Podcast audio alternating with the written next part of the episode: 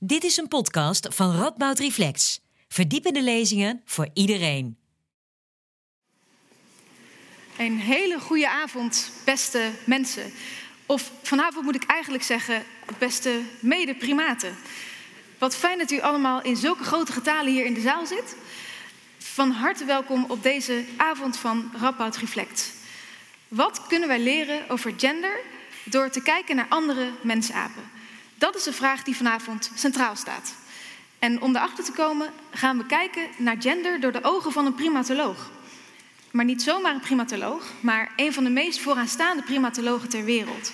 Die de manier waarop wij naar andere dieren kijken voorgoed heeft veranderd. Ik heb het natuurlijk over professor Frans de Waal. Die zijn lange wetenschappelijke carrière ooit hier in Nijmegen aan de Radboud Universiteit is begonnen als student biologie. Nou, inmiddels heeft hij wereldwijd bekendheid gekregen met zijn boeken over het gedrag van dieren en over het gedrag van de dieren die wij voor het gemak mensen hebben genoemd. Um, in 2007 werd hij zelfs door het Amerikaanse tijdschrift Time opgenomen in de Time 100, een lijst van 100 invloedrijke personen die de wereld zoals wij hem kennen hebben vormgegeven. Maar bovenal is hij eredokter aan onze eigen Radboud Universiteit. Dus we zijn daarom heel blij en trots dat hij vanavond hier is om met ons te duiken in het thema gender. Het onderwerp van zijn laatste boek getiteld Anders. Hij geeft ons zometeen eerst een lezing over dit onderwerp. Uh, hierna ga ik met hem in gesprek. En tenslotte is er ook ruimte voor enkele van uh, jullie vragen. Mijn naam is Pam Teunissen. Ik ben programmamaker bij Radboud Reflect. Uh, en ik wens u vooral heel erg veel plezier. Het woord is nu aan Frans de Waal. Geef hem een heel hartelijk applaus.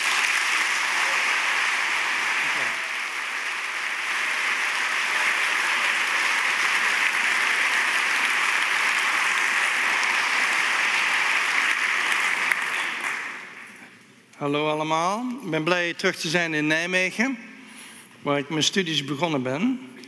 Heel, heel lang geleden.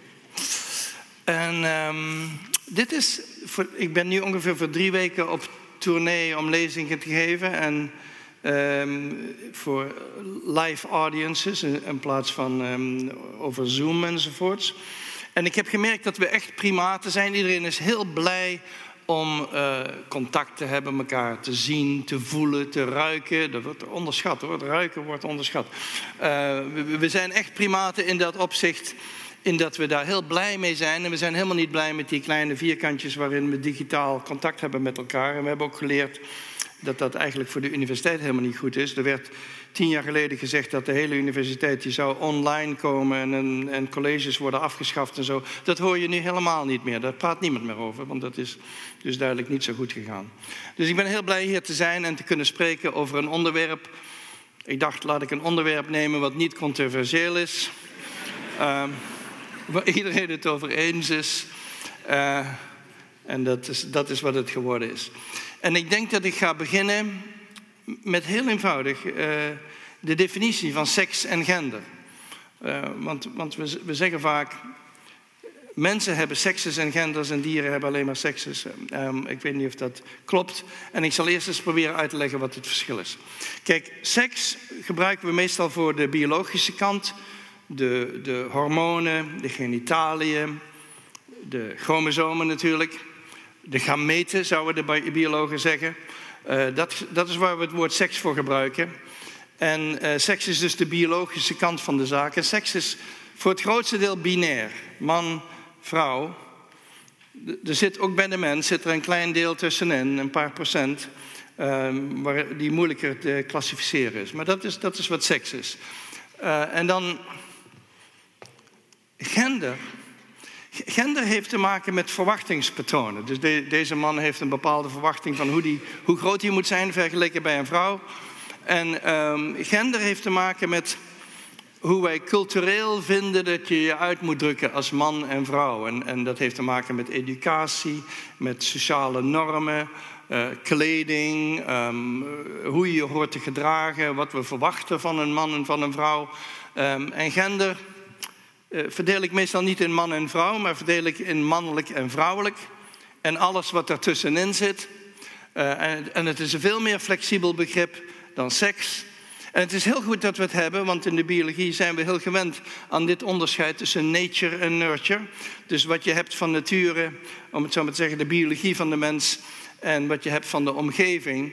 Dus dat onderscheid maken we altijd. En we weten ook in de biologie dat je ze nooit uit elkaar kunt halen. Ze zijn intens verweven en allerlei feedback loops zitten erin. En dus de media probeert dat wel te doen. De media die zegt van uh, deze eigenschap is 90% genetisch. Dat zijn nonsense statements. Dat soort statements kun je helemaal niet maken, maar dat doet, de media doet dat wel. Maar in de biologie weten we dat die twee dingen niet uit elkaar te halen zijn. Ze zijn altijd met elkaar verbonden.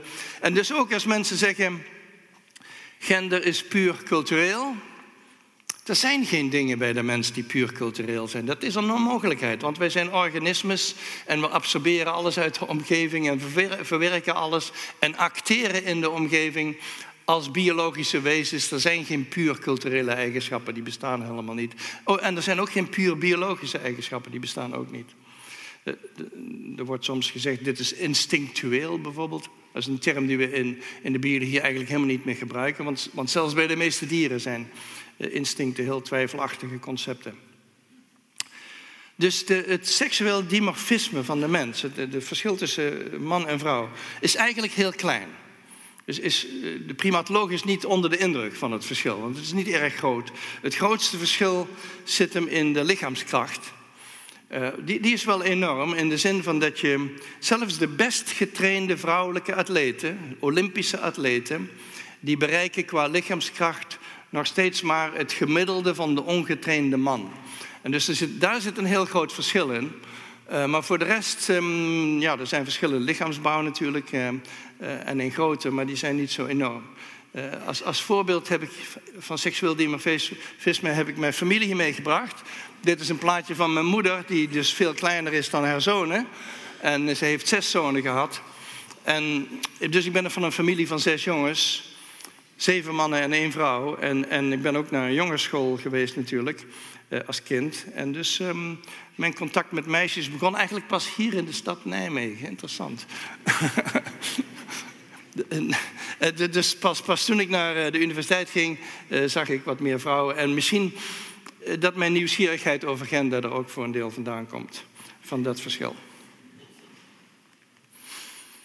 Nou, ik ga ons vergelijken met mensapen. Kijk, in het Engels heb je mooi dat verschil tussen apes, de mensapen, en monkeys, de kleinere apen met staarten. Wij zijn allemaal mensapen. Wij zijn grote primaten zonder staart. En, en u, u, kunt uzelf misschien zien als iets anders dan een mensaap, maar voor de bioloog bent u een mensaap. Uh, grote hersenen, geen staart. En de soort waar ik ons vooral mee ga vergelijken zijn de bonobos en de chimpansees. Want uh, dat zijn onze naaste verwanten. En de bonobos worden soms wel vergeten in het verhaal, maar uh, die heb ik er altijd uh, bij gehaald. En um, het verschil eigenlijk in uh, maat tussen de twee, dus het seksueel dimorfisme, is niet zo groot. vergeleken bij bijvoorbeeld de gorilla of de orang-oetang of allerlei andere dieren, is het niet zo enorm. hier zie je een plaatje met chimpansees aan de rechterkant, man en vrouw. En bij chimpansees, de mannen zijn echt gebouwd als bodybuilders Enorme schouders, enorme kracht, veel, veel meer kracht dan wij mensen hebben. Um, en de, de, mannen zijn ook dominant, fysiek dominant over de vrouwen. Ik kom daar nog op terug. Dan bij de bonobo's, hier heb je een man rechts en een vrouw links, is het verschil iets kleiner. Um, en bij de bonobos zijn de vrouwen dominant. Collectief dominant. Niet individueel dominant, want ze zijn kleiner dan de mannen, maar collectief dominant. En dus we hebben twee naaste verwanten die erg verschillend zijn, maar die wel met ons gemeen hebben dat het geslachtsverschil in grootte niet zo bijzonder is. Um, en, en, ze hebben bovendien allebei een zeer verschillende sociale structuur. Dat is natuurlijk wel interessant om te weten. Nou, hier zie je een plaatje van chimpansees. Je ziet uh, links een, een, man en rechts een vrouw. En de chimpansee-man is inderdaad heel fors gebouwd, maar heeft ook een heleboel haar. Veel meer haar dan de vrouw. Bij de mens ook natuurlijk. De mannen hebben meer haar op hun lichaam, maar kunnen jammer genoeg niet doen wat de chimpansee-mannen doen, is al dat haar opzetten en heel groot lijken. Uh, en dat is wat chimpansee-mannen voortdurend doen. Uh, en daarom lijken ze soms twee keer zo groot, maar uh, een heleboel daarvan is, is haar. Zo nou iets over gender bij apen. Kijk, normaal gebruiken we die term niet voor, uh, voor dieren. Maar als we bedenken van hoe, hoe het komt dat we het woord gender zoveel gebruiken bij de mens en daar zoveel aandacht aan schenken, is omdat wij culturele wezens zijn die heel veel leren tijdens onze ontwikkeling. En we zijn heel traag in de ontwikkeling. Dus, dus een mens beschouwen we volwassen als ze 18 of 20 zijn. En natuurlijk wordt er dan heel veel geleerd, want er zijn heel veel jaren waarin je dingen uit de omgeving absorbeert en leert hoe je als man moet gedragen of als vrouw moet gedragen. En um, de natuur over het algemeen houdt niet van langzame ontwikkeling. De natuur houdt van, uh, zoals uh, fruitvliegen of uh, konijnen, snelle reproductie. Dat is, dat is waar de natuur van houdt. En dus als het vertraagd wordt, zoals bij walvissen, bij olifanten, bij mensen en bij mensapen, als het vertraagd wordt, is daar een reden voor. En de reden is dat we heel veel moeten leren voordat we competente volwassenen zijn. Eh, het, is, het is, niet eenvoudig om een, om een volwassen uh, mens of een volwassen mensaap te zijn. En daarom is het vertraagd. En, en, dat is bij de mensapen precies hetzelfde als bij ons. We beschouwen een chimpansee en een bonobo volwassen, of volgroeid althans, als ze 16 zijn. Uh, ze hebben een hele lange zoogperiode, langer dan de mens. En ze, ze leren dus ook in hun leven een heleboel dingen. Uh, ze leren ook van elkaar, daar zijn allerlei studies over. En dus uh, er is e-, elke reden om te denken dat ook uh, hoe je je gedraagt als mannelijk of vrouwelijk individu afhankelijk is van wat je hebt zien gebeuren om je heen. dit is um, een zogende bonobo. Dus bonobos die zogen voor ongeveer vier of vijf jaar. En die, en die blijven, een bonobo baby blijft ook klein totdat ze vijf zijn of zes zijn. Ze blijven maar heel klein. En, en een langere zorgperiode dan wij hebben. Wij hebben wat ze noemen uh, onze. onze uh, het ophouden van zogen is, wanneer we ongeveer twee zijn. En daar hebben we de terrible twos. En de mensapen hebben de terrible fours. Want die hebben de tantrums op de tijd dat ze, dat ze vier jaar oud zijn. En, en er zijn mensapen, zoals de orang-oetang, waar het nog trager is. Orang-oetang-baby's die, eh, die zogen voor zeven à acht jaar. Dus dat is een hele lange tijd. Dus dat is een van, van die, uh, die zaken die, die je doet denken dat ze heel veel moeten leren in hun leven. En, en, we spreken steeds meer over culturen bij dieren, niet alleen bij, bij primaten, maar ook bij walvissen, bij vogels, bij vissen zelfs. Uh, allerlei dieren spreken we tegenwoordig van culturele overdracht, omdat we allerlei gegevens hebben dat ze van elkaar dingen leren. Nou, ik wil één voorbeeld geven van uh, hoe dat leren gendergebonden is. Dus we hebben het idee dat jonge vrouwelijke individuen, die leren vooral van volwassen vrouwen, en jonge mannelijke individuen vooral van volwassen mannen. En uh, ik noem dat meestal zelfsocialisatie. Ze socialiseren zichzelf. is misschien zelfs belangrijker dan de gewone socialisatie. We denken altijd dat wij volwassen mensen, wij socialiseren onze kinderen. Ik denk dat het een enorme overschatting is van onze macht. Uh, de kinderen socialiseren zichzelf.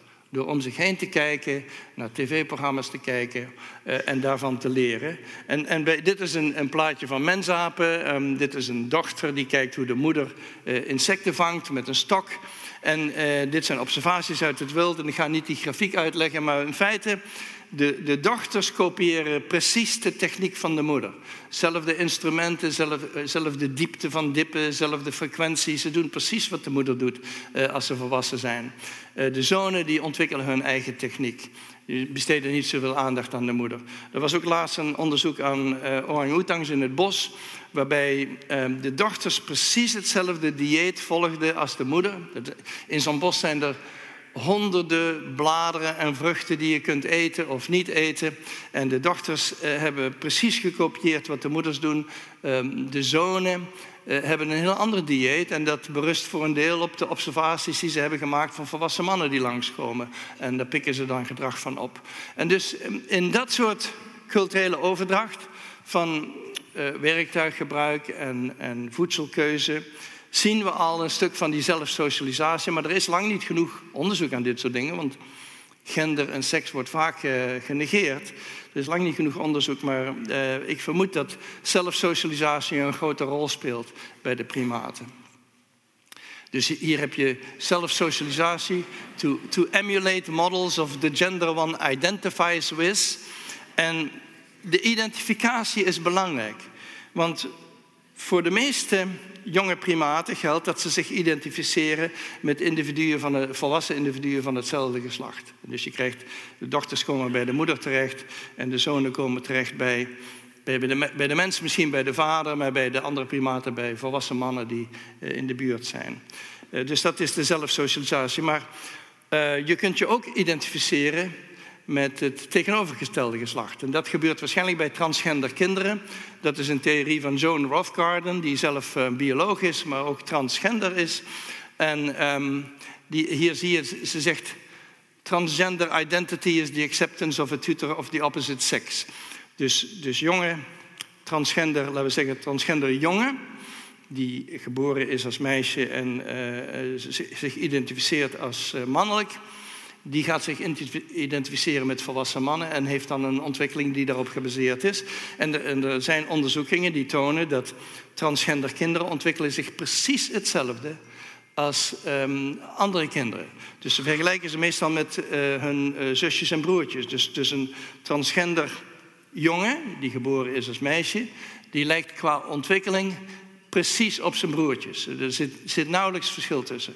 Dus dat is een interessant verschijnsel, is dat het is niet een soort van waffelend of wij, wijfelend, um, wijfelende ontwikkeling. Het is uh, radicaal, identificeren ze zich met het andere geslacht. En in dat geval wil ik, uh, in dat verband wil ik noemen een uh, chimpansee die wij in, in een van onze groepen hadden. Er zijn altijd individuen die afwijken van de norm. Dus dat interesseert me wel, is dat je, dat je, je hebt typisch mannelijk gedrag en typisch vrouwelijk gedrag. Maar je hebt ook altijd individuen die doen daar niet aan mee. En dus je hebt altijd bijvoorbeeld uh, volwassen mannen, soms grote mannen die, die potentieel de alfaman zouden kunnen zijn van de groep. Um, maar die zijn niet geïnteresseerd in politiek, zijn niet geïnteresseerd in al die macho games. Die trekken zich terug van confrontaties, doen daar niet aan mee. Zijn niet noodzakelijk heel laag in de rangorde, want ze zijn soms groot en sterk, maar ze zijn niet geïnteresseerd in het spel. Of je kunt uh, vrouwelijke apen hebben die, uh, die zich zeer mannelijk gedragen. En dit is een voorbeeld. Dit is Donna, een chimpansee die geboren is met vrouwelijke genitaliën die gebouwd is als een man. Ik weet niet of je dat kunt zien, maar een primatoloog kan zien dat ze er meer mannelijk dan vrouwelijk uitziet in termen van de grootte van de handen en de, en de kop en al de haren die ze heeft. Ze heeft veel meer haar dan de, meeste vrouwen hebben. Dus ze, zag er zeer mannelijk uit. Uh, ze associeerde ook heel erg veel met mannen. En, en, en, deed met hen mee. Als, als, mannen bezig waren de groep te intimideren, deed ze, deed ze met hen mee. Ze was voor het grootste deel aseksueel en niet geïnteresseerd in seks. En um, ze was ook heel vreedzaam.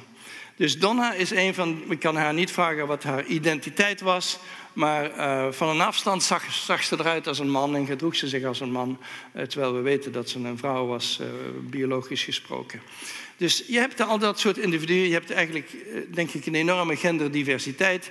Ik ga niet spreken over homoseksueel gedrag, maar dat is ook heel gebruikelijk bij de primaten. Bij bonobos zou ik zeggen, is, zijn voorkomen biseksueel. Ik, ik, weet niet of het hen veel uitmaakt of ze seks hebben met een man of met een vrouw. Uh, bij andere soorten is het een, minderheid van het gedrag, maar uh, homoseksueel gedrag is heel gebruikelijk. En dus we hebben eigenlijk niet, veel aandacht besteed eh, in de primatologie aan genderdiversiteit en, en gedrag wat niet heteroseksueel is enzovoorts. Maar het is er allemaal wel. En het aardige van dit soort individuen is dat ze volkomen geïntegreerd zijn. Ik heb nooit gemerkt uh, ook niet bij de kleinere apen die we ook bestudeerd hebben, dat um, dat soort individuen problemen hebben. Um, ik, ik, vermoed dat uitstoting van individuen alleen maar kan gebeuren als ze problemen veroorzaken. En dat is meestal niet het geval met dit soort individuen. Dus um, we hebben nooit gemerkt dat er intolerantie is. En de intolerantie die we vinden bij de mens. Wel, mensen zijn zeer normatief. En we, we zijn uh, symbolische wezens. We plakken etiketten op alles. Je bent man, je bent vrouw, je bent homo, je bent hetero. We hebben etiketten voor alles. Zelfs biseksueel, omdat dat soort van tussen de, de hokjes viel, werd voor lange tijd ontkend. Uh, en we zijn intolerant in dat opzicht. Dus dat uh, als je niet past in die hokjes of in het verkeerde hokje zit, um, uh, word je verstoten soms in, in de mensenmaatschappij. En dat is iets wat ik um, bij de primaten eigenlijk nooit gezien heb. Dus laat ik iets zeggen over de soorten, de twee soorten, de chimpansees en de bonobos. En het is, het is aardig dat we die vergelijking hebben. Um, want als we alleen maar chimpansees hadden. Chimpansees zijn de soort die we het eerste gekend hebben en het eerst bekend geworden is aan de wetenschap. En, en als we nooit de bonobo ontdekt hadden en alleen maar de chimpansee kenden, was het verhaal van de menselijke evolutie misschien eenvoudiger geweest. Want de bonobo die, die past niet in het gebruikelijke verhaal. En ik zal eerst uitleggen wat, wat het is met chimpansees. Chimpansees, de mannen, maar ook de vrouwen, zijn zeer dominantiegericht.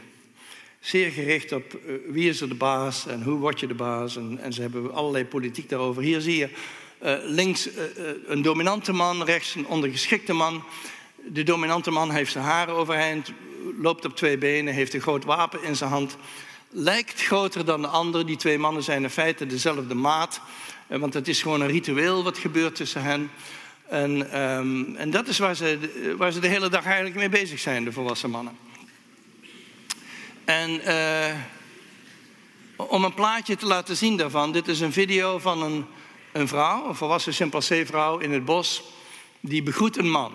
Ze geeft grunts, dat is een uh, onderdanige vocalisatie, tegenover een man die aankomt met al zijn haren overeind, uh, intimiderend.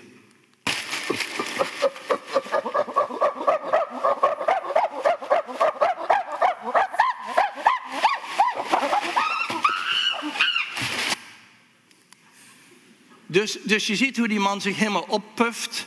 Hij loopt op twee benen. Hij zet al zijn haren overeind. Het heet de bipedal swagger. De bipedal swagger is ook een mensenpatroon. Hier, we kennen het ook bij de mens. En, um, en, wat ik het mooie vind aan dit plaatje, is dat het, het is zo chimpansee-achtig is.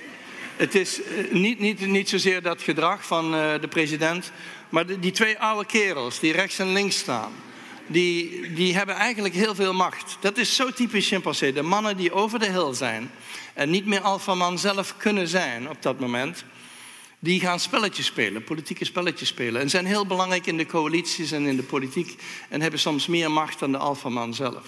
Dus zo, zo, om, een voorbeeld te geven, dit is een, een plaatje uit mijn eerste boek, Chimpansee Politiek, waar in het midden zit de alfaman, die is 17 jaar oud. Dus vrij jong om alfaman te zijn, is de alfaman. Hij is alfaman geworden met de steun van de man links, die twee keer zo oud is.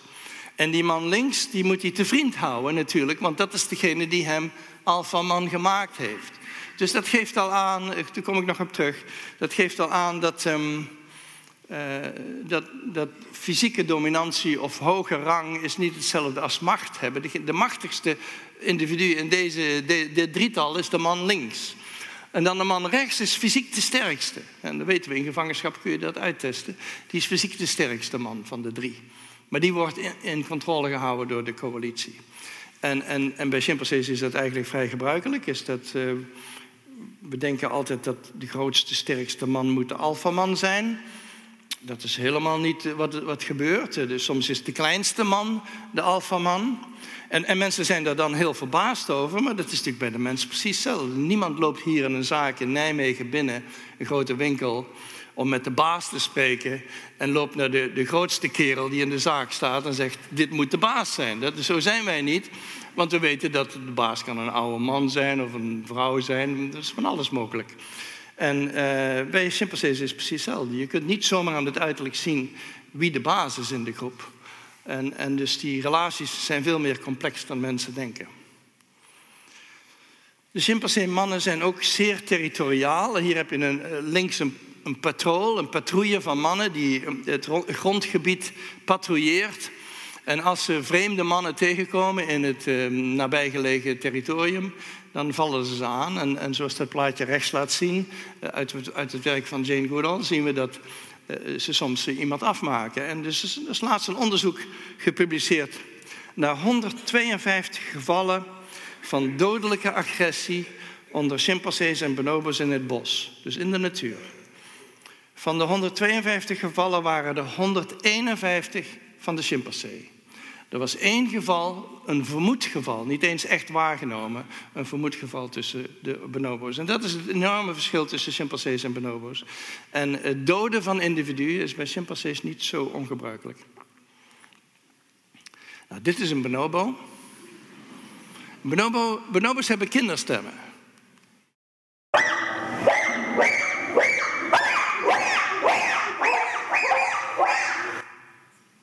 Ze hebben hele hoge stemmetjes. Die, uh, ook een volwassen mannelijke bonobo, die klinkt als een, als een, als een, een kind van een chimpansee. Um, en die lage stemmen die chimpansees hebben, die zijn vooral bedoeld om te intimideren. Zoals ook trouwens de menselijke lage stem. Tijdens puberteit dropt de stem uh, ook bedoeld is om te intimideren. Dus het is bedoeld om te intimideren en uh, bij chimpansees is dat duidelijk heel belangrijk. Bij bonobos is uh, intimidatie niet zo'n uh, geweldige, geweldige eigenschap. En dus daarom kunnen ze die hoge stemmetjes hebben waarschijnlijk. Als ze rechtop staan, zoals hier rechts een adolescente man en links een volwassen vrouw. En je ziet ook dat het verschil niet zo groot is. Als ze rechtop staan, dan lijken ze heel erg op Australopithecus. En terwijl bonobos en chimpansees genetisch precies net zo ver van ons afstaan, of net zo dichtbij ontstaan. Er is geen verschil in dat opzicht tussen chimpansees en bonobo's. Anatomisch is de bonobo meer menselijk. Uh, en, en um, dat vind, vind, vind, ik wel interessant, want um, vaak wordt de bonobo aan de kant geschoven. Er zijn heel veel antropologen die de menselijke evolutie uitleggen als een, een proces van oorlogsvoering. Dus, dus, wij mensen zijn een agressieve soort. We hebben iedereen om zeep gebracht, inclusief de Neandertaals. Alhoewel we nu weten van het DNA dat we ook andere dingen hebben gedaan met de Neandertaals. Maar we hebben ze allemaal om zeep gebracht. En zo zijn we zo succesvol geworden in de wereld. Eh, door onze enorme agressie en onze krijgshaftigheid. En toen kwamen we met de bonobo en zeiden wel, bonobos die zijn heel vreedzaam en zijn gedomineerd door de vrouwen en ze hebben heel veel seks. En die waren niet welkom. Die waren, waren niet welkom in het verhaal. En dus de antropologen weten niet wat ze moeten doen met de bonobo en schuiven ze graag aan de kant. Dus in de boeken van antropologen zie je soms dat ze zeggen van... Uh, ja, er zijn, er zijn ook uh, bonobo's, maar dat zijn hele vreemde apen. laten we die maar negeren. Zo op die toon gaat dat, weet je wel. Vreemde apen. Bonobo's hebben inderdaad heel veel seks. Dit is tussen een man en een vrouw. En ze hebben ook heel veel ventrale seks, hetgeen de communicatie tussen de twee bevordert. Ze hebben seks in alle posities die je kunt voorstellen. Eh, en zelfs in posities die u zich niet kunt voorstellen.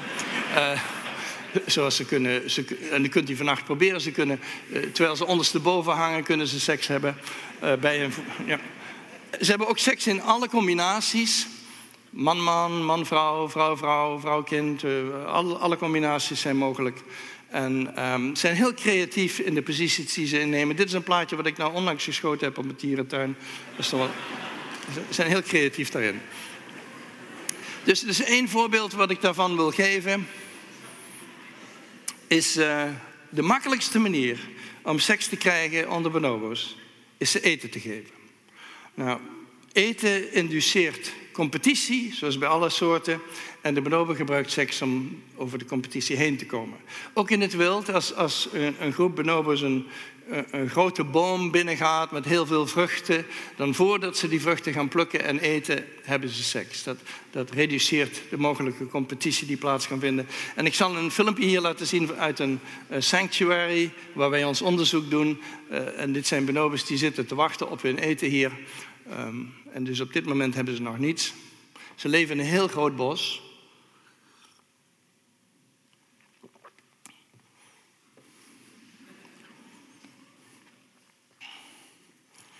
En hier hebben ze te eten gekregen en hebben ze ook seks. Dus een soort van uh, multitasking.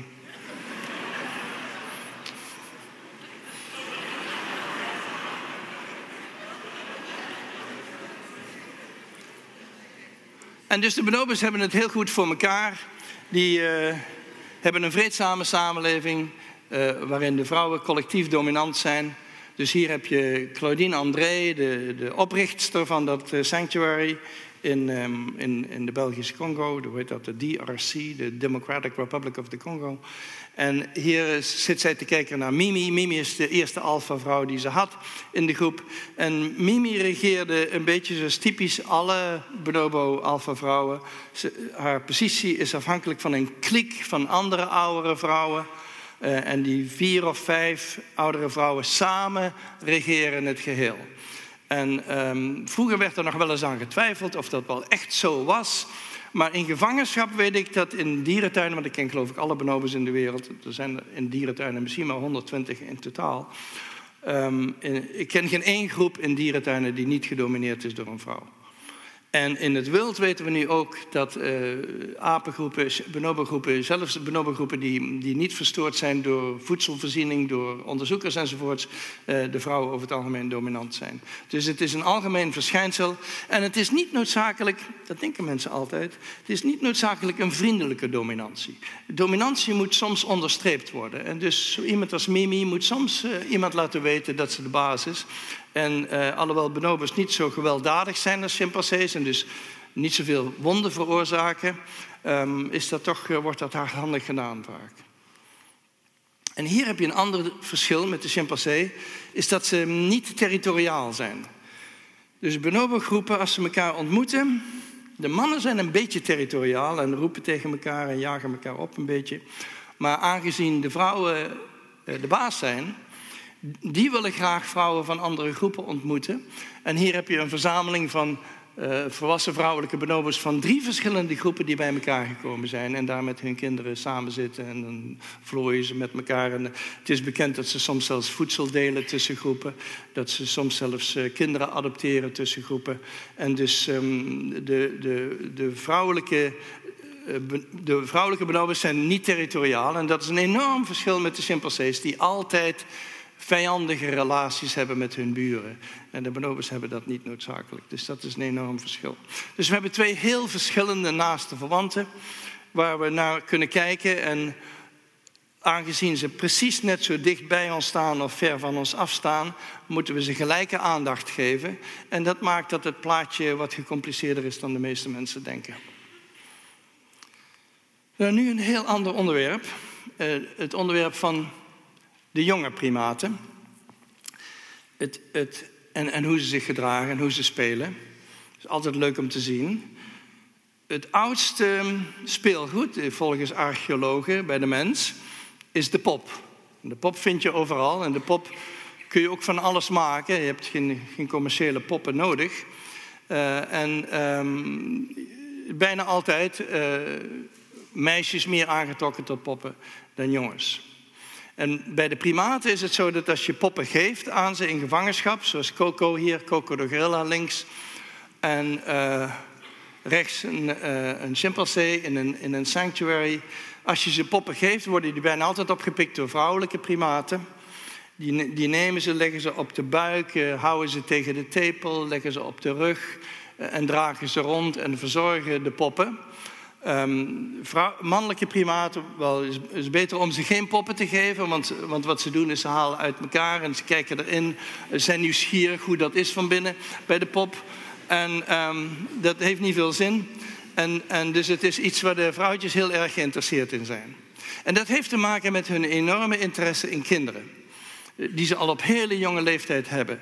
Dus um, in, in het wild ook, in het wild zijn chimpansees gezien die een, eh, een rotsblok oppikken of een, eh, een groot stuk hout op, oppakken. En het ook zo op zich houden of op de rug leggen of er zelfs een nest voor bouwen. En heel verzorgend zijn. Dus al hebben ze geen poppen, ze, maken een soort van poppen. En de belangstelling voor kinderen is enorm. Uh, dit, dit, is de, de enige gegevens die ik laat zien, zijn gegevens over makaken in dit geval. Want, want het is een verschijnsel, die interesse in infants, eh, in, baby's, is in feite universeel bij alle 200 primatensoorten. Dit zijn makaken. En wat je ziet is uh, infant handling, dus, dus, dus hoe vaak je baby's vasthoudt en, en aanraakt enzovoorts. Bij de volwassenen zijn dat uh, bijna uitsluitend vrouwen. En, en, dat is logisch, want dat zijn de moeders. Natuurlijk, de moeders hebben die baby bij zich en, en doen de infant handling. Maar als je kijkt naar de onvolwassenen, Dit is het plaatje voor de, de hele jongen en de subadulten uh, die, die geen moeders zijn. Uh, zie je ook dat uh, de vrouwtjes veel meer belangstelling hebben voor baby's dan de mannetjes. Mannetjes hebben eigenlijk nauwelijks belangstelling.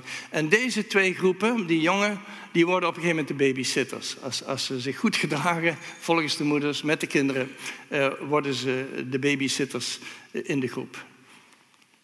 Ik zal, zal een, filmpje laten zien. Dit zijn ook weer monkeys, dit zijn langoeren. Uh, maar het is eigenlijk voor alle primatensoorten hetzelfde. Dus ik heb daar nooit, nooit een ander verhaal over gehoord. Mothers set up a baby and toddler group in a quiet part of the temple. But looking after baby is a full-time occupation. So once they are three weeks old, if mom wants a break, she has a solution. Employ a teenage babysitter.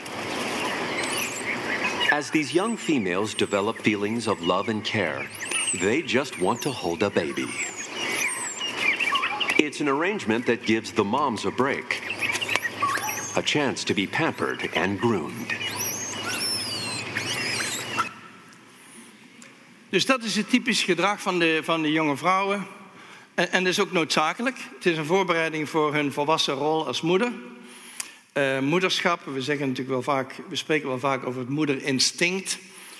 Wel, er is misschien een moederinstinct wat betreft de belangstelling voor kinderen, maar um, de technieken van hoe je een kind grootbrengt en zoogt enzovoort, uh, moeten geleerd worden. En iedereen weet dat, dat dat problematisch is. Als, als je bijvoorbeeld naar een dierentuin gaat en, en ze hebben een groep gorilla's. En ze, ze, hebben nog nooit baby gorilla's gehad. Ze zijn volkomen naïef wat dat betreft. En een van de, van de vrouwelijke gorilla's is zwanger. Dan weet de dierentuin dat dat een probleem is. Dat, dat gaat waarschijnlijk niet goed. Zo'n zo moeder brengt het kind misschien niet naar de borst of gaat er misschien zelfs op zitten. Dat, dat kan allemaal, of laat het gewoon liggen. Dat kan allemaal fout gaan. En wat dierentuinen dan vaak doen, is een mensenmoeder binnenbrengen elke dag die een kind zoogt voor de gorilla's, zodat de gorilla's dat kunnen observeren en ervan kunnen leren. En dus we weten dat die moedertechnieken moeten overgebracht worden, moeten geleerd worden. Er zit heel veel leren in het moedergedrag. En dat is waarschijnlijk waarom die jonge primaten allemaal geïnteresseerd zijn in, in babytjes. En op die manier uh, leren ze om moeder te worden. En wat doen de jonge mannen in de tussentijd? Dit zijn uh, chimpansees. Heel veel worstelen. Houden van worstelen. En, en in dit geval een, een jongere chimpansee die worstelt met een oudere. Dus, dus leert ook iets over kracht van de ander.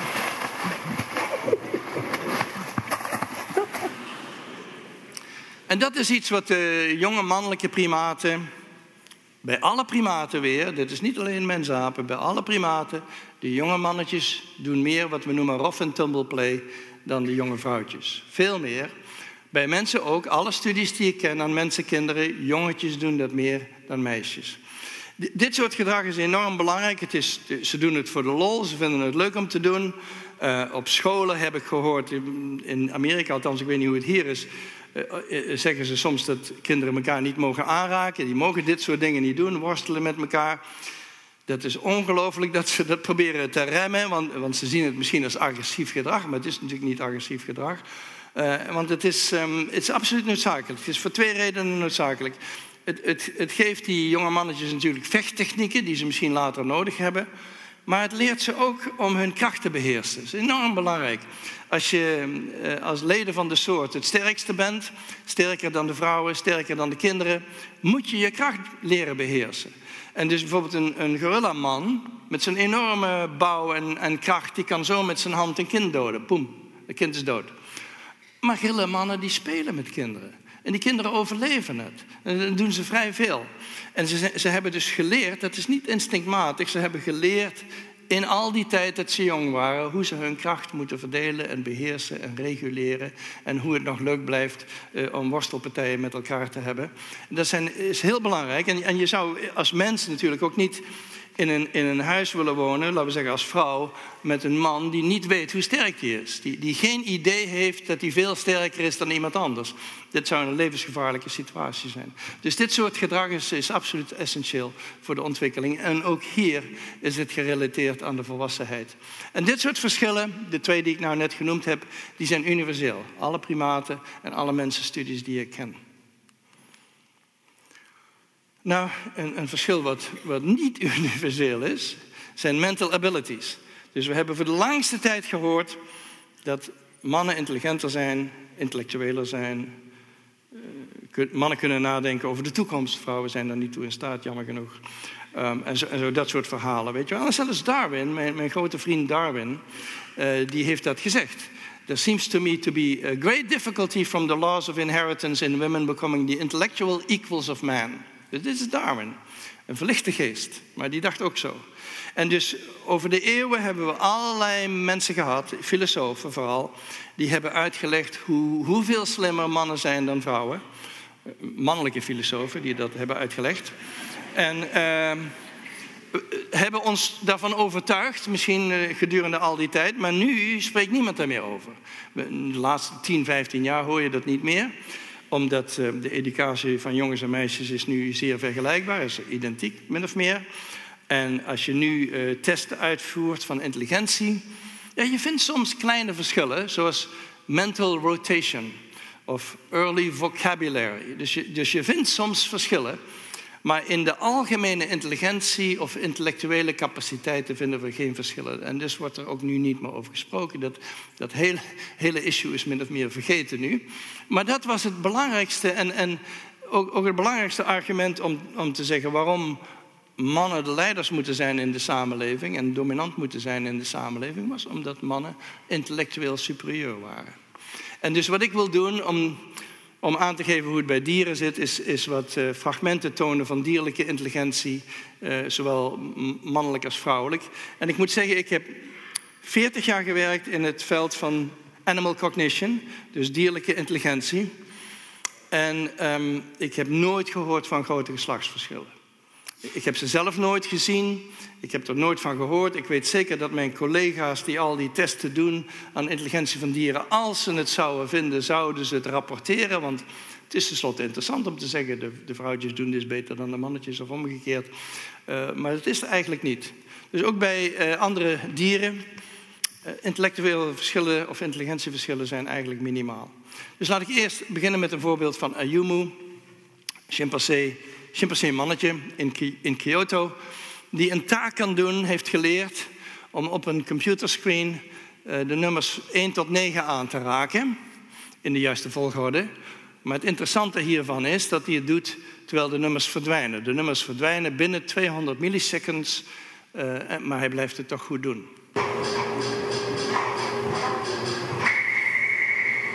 Dus ze verdwijnen eigenlijk meteen en hij moet ze onthouden.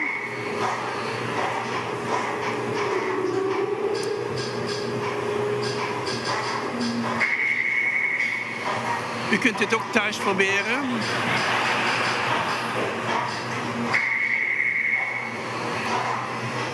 Nou, let op, hier gaat hij een fout maken. Dan krijgt hij dit geluid.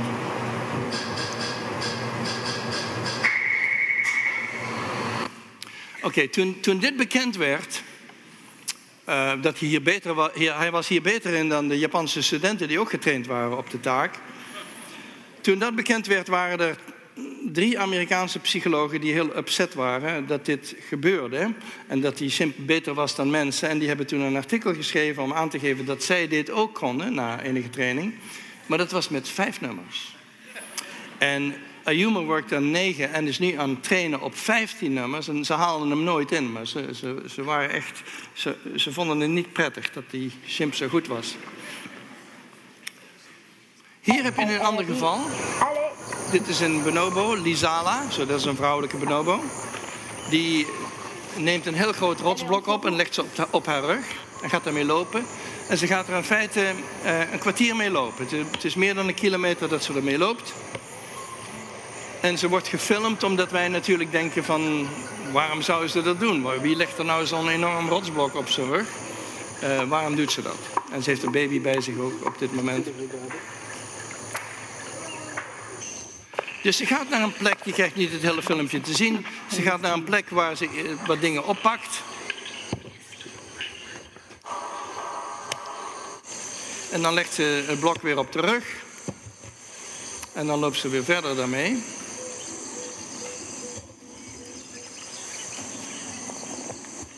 En nu gaat ze naar het enige harde ondergrond uh, in het hele bos. Dat is dit, dit hier.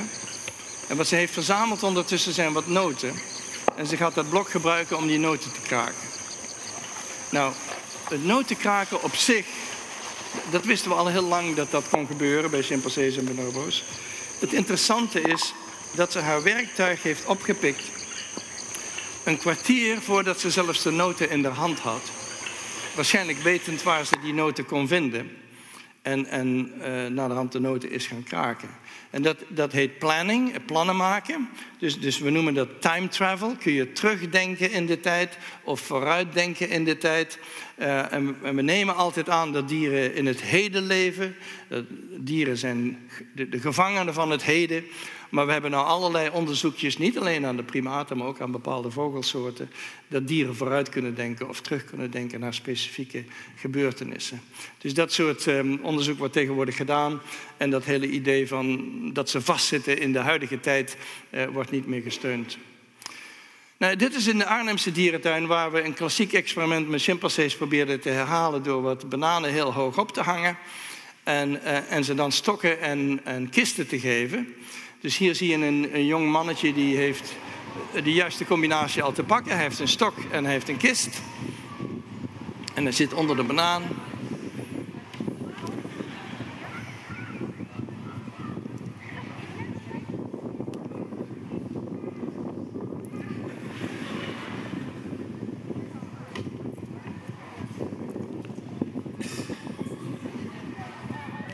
Nu gaat hij de banaan bereiken.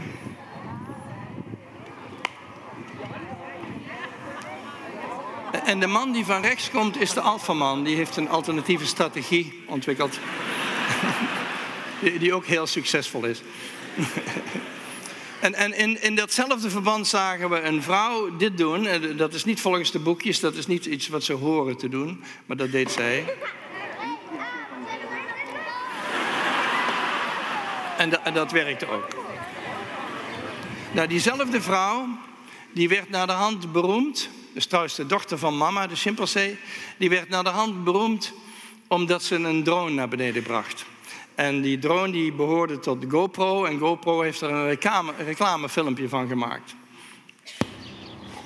Dus hier vliegt de drone over de dierentuin richting chimpansees.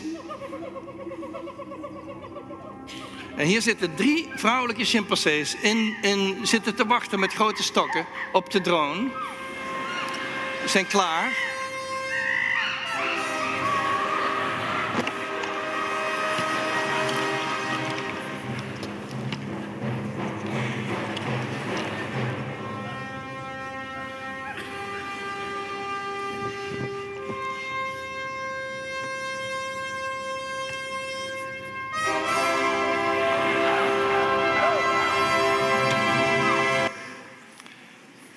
Wel, dit, dit om aan te geven dat we hebben briljante individuen bij van zowel het vrouwelijk als het mannelijk geslacht. We hebben natuurlijk ook minder briljante soms van allebei. Maar uh, we hebben tot nu toe nooit eigenlijk systematische intelligentieverschillen tussen mannelijke en vrouwelijke dieren gevonden. En ik denk ook bij de mens dat dat een, een fictief uh, was, was fictief in feite, dat verschil. Nou, iets over mannen, uh, alfa-mannen en de, en de, mannelijke verantwoordelijkheden binnen de samenleving, om het zo maar te zeggen. Uh, mannelijke primaten en ook, worden vaak afgeschilderd als bullies, als een soort van dictators. Uh, en en het, dit gaat terug tot een studie aan, aan bavianen. Bavianen zijn geen mensapen, zijn kleinere apen, maar bij bavianen, deze mantelbavianen, zijn de mannen twee keer zo groot als de vrouwen en ze hebben ook enorme tanden. Die mantelbavianen leven in een gemeenschap waar meestal uh, een, een, volwassen man een aantal vrouwen om zich heen houdt en ze ook dicht bij zich houdt en, en, en hen domineert en, en alles regelt. En wat is dit? De wekker gaat.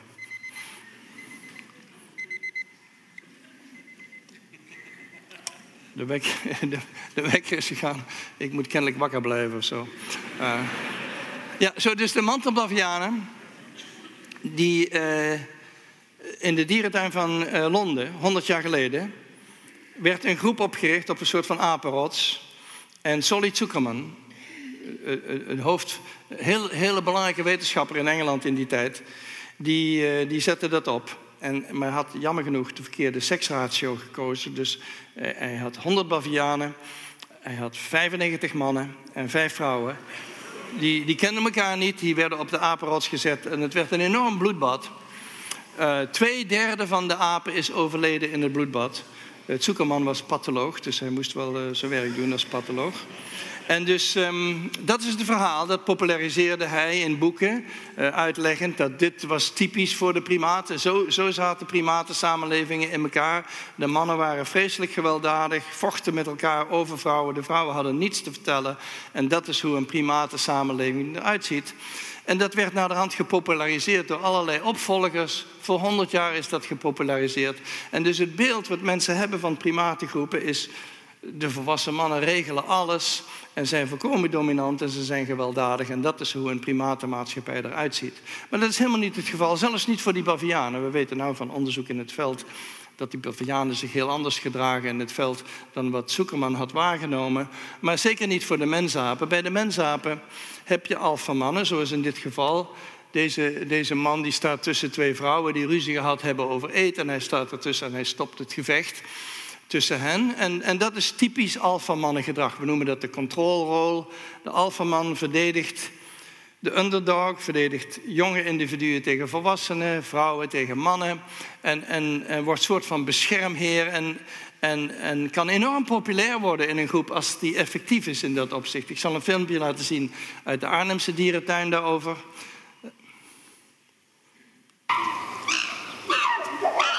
Where there's a fight, Nicky intervenes. That's part of his job as leader.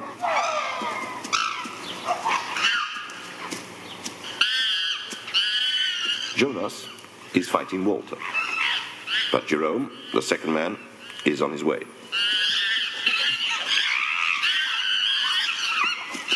Here he comes. He chastises Walter.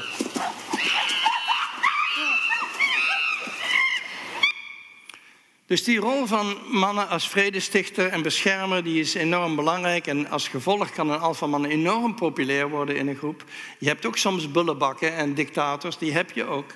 Uh, die eindigen meestal niet zo goed, want die worden meestal verstoten of vervangen door een andere man. Uh, maar de meeste alfamannen die ik heb gekend hebben een zekere verantwoordelijkheid in de groep. En beschermen vooral de, de groep tegen adolescentenmannen. Adolescentenmannen zijn vaak uit, uh, out of control, weet dat, um, zijn, zijn overgewelddadig en, en zijn gevaarlijk potentieel. Er zijn heel interessante verhalen over olifanten wat dat betreft. Omdat olifanten stieren, de grootste stieren worden geschoten om hun ivoor. Die hebben ook het meeste ivoor natuurlijk. De grootste stieren worden soms weggeschoten. En er zijn populaties waar alle grote stieren zijn verdwenen. Waar de adolescenten stieren, de jongeren, eh, heel veel problemen veroorzaken. In, in een van de parken in Zuid-Afrika hadden de jonge stieren olifanten hadden 40 rhinocerossen gedood. Zeldzame rhinocerossen hadden ze gedood. En ze waren ook heel gevaarlijk voor de vrouwelijke olifanten. En wat dat park heeft gedaan, is ze hebben uh, zes grote stieren uit een ander park binnengereden en binnengebracht. Uh, volwassen stieren en erin gezet. En de volgende dag waren al de problemen opgelost. Want um, zelfs puur de aanwezigheid, ze hoeven helemaal niks te doen. En dat geldt ook eigenlijk voor chimpansee mannen. Ze hoeven eigenlijk helemaal niks te doen en de jongere mannen houden zich gedijst. En, en veranderen ook hormonaal, ook bij de mens waarschijnlijk. Er zijn ook aanwijzingen voor dat dat bij de mens gebeurt. Dus de aanwezigheid van volwassen mannen is heel belangrijk. Ze zijn, hebben een beschermende rol. Hier heb je nog eens zo'n geval van bescherming. Dit is, zijn chimpansees die een weg oversteken in Afrika. En uh, de, de volwassen, de, de alfaman, die gaat midden op de weg staan. Dat doen gorillamannen trouwens ook soms. Natuurlijk nog meer imposant dan een gorillaman die midden op de weg staat. Uh, en die gaat daar staan en die wacht tot iedereen um, over de weg ge, gegaan is. Dus ook wat dat betreft een, een beschermende rol tegenover de rest. Dus dat idee dat alfamannen uh, de boel terroriseren, daar ben ik het niet mee eens. Eh, dat gebeurt soms wel eens, maar dat is meestal niet de rol die ze spelen.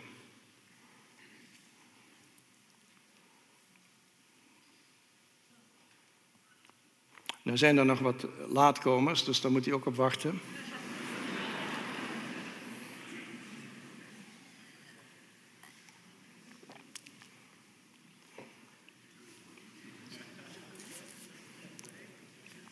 Dus dat is typisch alfaman-chimpansee gedrag. Nou, het laatste onderwerp wat ik wil noemen zijn potentiëlen die bestaan, die je niet altijd te zien krijgt, of die mensen niet aannemen, bij zowel de mensen als bij andere primaten. Ehm, en de eerste die ik daarvan wil noemen is uh, vrouwelijk leiderschap. En vrouwelijk leiderschap zou eigenlijk niet een issue moeten zijn, want alle primaten die ik ken, hebben, eh, de vrouwtjes hebben hiërarchieën en hebben een alfa-vrouw aan de top. Dus vrouwelijk leiderschap is overal te vinden. Uh, in, in, in de, het plaatje links is Mama, de chimpansee van de Arnhemse dierentuin, waar mijn vorige boek over ging, die absoluut centraal was in het leven van de chimpansees en die uh, eh, 40 jaar alfa-vrouw was. Uh, zelfs toen ze nauwelijks meer kon lopen en blind was, was ze nog steeds alfa-vrouw. Dat, dat, is het mooie van de vrouwenhiërarchie. Um, die wordt niet gereguleerd door fysieke capaciteiten. Uh, en dus eh, een man die, die oud wordt en, niet meer goed kan zien en lopen, die wordt gelijk afgezet door een jongere man. Waarbij vrouwen is dat helemaal niet het geval. In feite, leeftijd is een voordeel voor de vrouwen. En dus um, mama was uh, alfa-vrouw van 40 jaar. Hetgeen betekent dat ze heel veel alfa-mannen heeft zien gaan en komen. En ze had ook heel veel invloed op. Het was eigenlijk onmogelijk voor een, alfa, voor een man om alfaman te worden zonder de steun van mama. En daarom werd ze ook door de mannen heel veel gevlooid. En haar kinderen werden, werden heel goed behandeld door de mannen. Want uh, ze moesten haar aan hun kant houden. Dus dat is waar ik, waarom ik een onderscheid maak tussen fysieke dominantie en macht. Fysieke dominantie is vaak in de handen van de mannen, want ze zijn groter en sterker. Uh, maar macht is um, heel anders verdeeld. En, en, je kunt hooggeplaatste vrouwen hebben die veel meer macht hebben dan de meeste mannen in de groep, zoals, zoals mama. Dus, dus dat moet je altijd onderscheiden. En dan natuurlijk bij de bonobo's zijn de, uh, de vrouwen, de vrouwen uh, alfa-vrouw en, en, en er is absoluut leiderschap. Er is heel weinig onderzoek aan in feite hoe dat leiderschap is bij alfa-vrouw bonobo's, maar um, dat is vrij gebruikelijk. Er is ook het misverstand bij de mens zegt men vaak dat, dat mannen hiërarchischer zijn dan vrouwen. Daar geloof ik absoluut niks van. Bij alle sociale dieren zie je vrouwelijke hiërarchieën. Dat is heel gebruikelijk.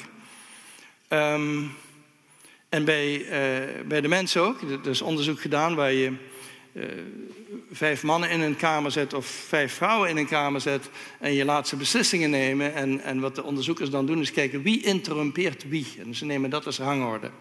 Uh, en als, als, ik, als, ik, u veel inter, interrompeer, ben ik de dominant. Uh, en, en, en, de mannen vormen een hiërarchie iets sneller dan de vrouwen, maar de vrouwen vormen er altijd één. Uh, dus dus um, dat idee dat mannen meer hiërarchisch zijn, ik geloof daar niks van. Ik denk dat vrouwen ook zeer statusbewust zijn.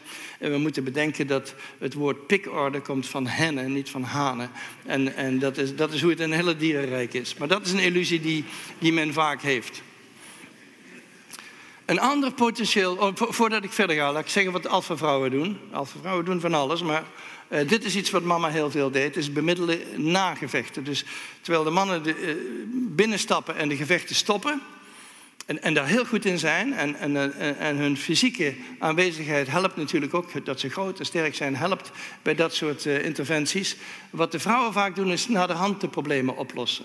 Dus wat mama zou doen, bijvoorbeeld dit zijn twee volwassen mannen, chimpansees, die um, ruzie gehad hebben eh, en elkaar niet willen aankijken en, en stuurs blijven zitten op deze manier voor enige tijd.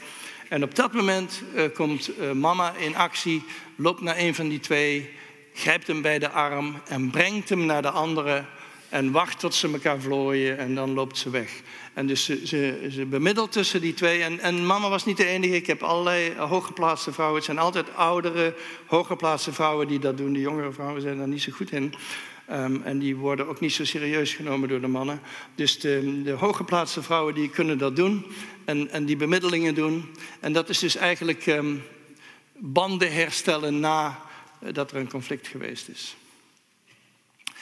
De tweede potentieel wat ik wil noemen, heel belangrijk op dit moment in de discussie over genderrollen, is het potentieel van mannen om voor kinderen te zorgen. Kijk, uh, in Amerika hebben we nou conservatieve senatoren die grapjes maken over het vaderschapsverlof. Ze kunnen moederschapsverlof nog wel begrijpen, maar vaderschapsverlof, dat is, ehm, waarom zou dat nodig zijn? Mannen verzorgen toch geen kinderen, weet je wel. Dat is niet de natuurlijke taak van de man. En ik moet zeggen, als je kijkt naar chimps en bonobo's, dat ehm, de mannen doen heel weinig. Behalve die beschermende rol waar ik al over gesproken heb. Ze verzorgen geen kinderen, ze gedragen geen kinderen. Ze, ze doen eigenlijk heel weinig met ehm, de jonge apen. Dat is allemaal een vrouwentaak. Maar soms verliest een volwassen vrouw haar leven en ineens heb je een, een weeskind in de groep. En als dat weeskind nog ehm, aan de borst zit, is het soms problematisch. Er zijn zeker geen vrouwen die dat kind kunnen adopteren. De, de, vrouwen hebben hun handen vol, hebben meestal hun eigen kinderen, twee of drie. Eh, en ze moeten door het bos trekken en door de bomen trekken. Die kunnen er niet meer aan toevoegen. Dus vrouwen kunnen die adopties niet doen, maar de mannen, de volwassen mannen, adopteren die weeskinderen. En, en dit is een geval, dit is een, een groep in Oeganda, waar uh, ze een ademhalingsprobleem uh, hadden, uh, waaraan heel veel volwassen individuen, ik geloof 25, overleden zijn in de groep. En ineens hadden ze dus allerlei weeskinderen in de groep, van, van, moeders die hun leven verloren hadden. En hier, die werden geadopteerd vaak door broertjes en zusjes. Dus hier heb je een een jonge chimpansee van 7 jaar die geadopteerd wordt door een, uh, een oudere broer van 17 jaar. En, uh, en, en, en ja, voor jarenlang uh, geadopteerd is. En een ander geval is in West-Afrika, waar zelfs een alfaman, dit werd gefilmd door Disney. In deze groep in West-Afrika zijn er geloof ik tien adopties geweest door volwassen mannen die babytjes adopteren. ook weer niet voor een paar dagen, maar voor jaren die met hen meetrekken en hen beschermen en op hen wachten. En net als een moeder eh, op de rug dragen enzovoorts. En dus die volwassen mannen die hebben de capaciteit om dat te doen.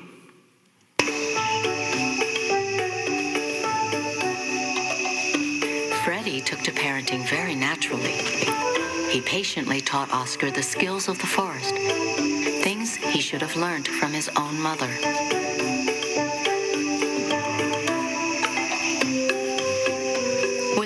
Parent like Freddie, Oscar blossomed.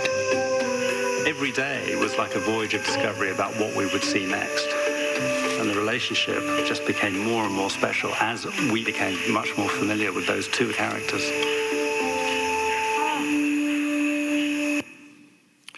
Dus dit geeft aan dat die volwassen mannen van deze primatensoorten, die normaal weinig doen met kinderen, het best kunnen en er best toe geneigd zijn als het noodzakelijk is.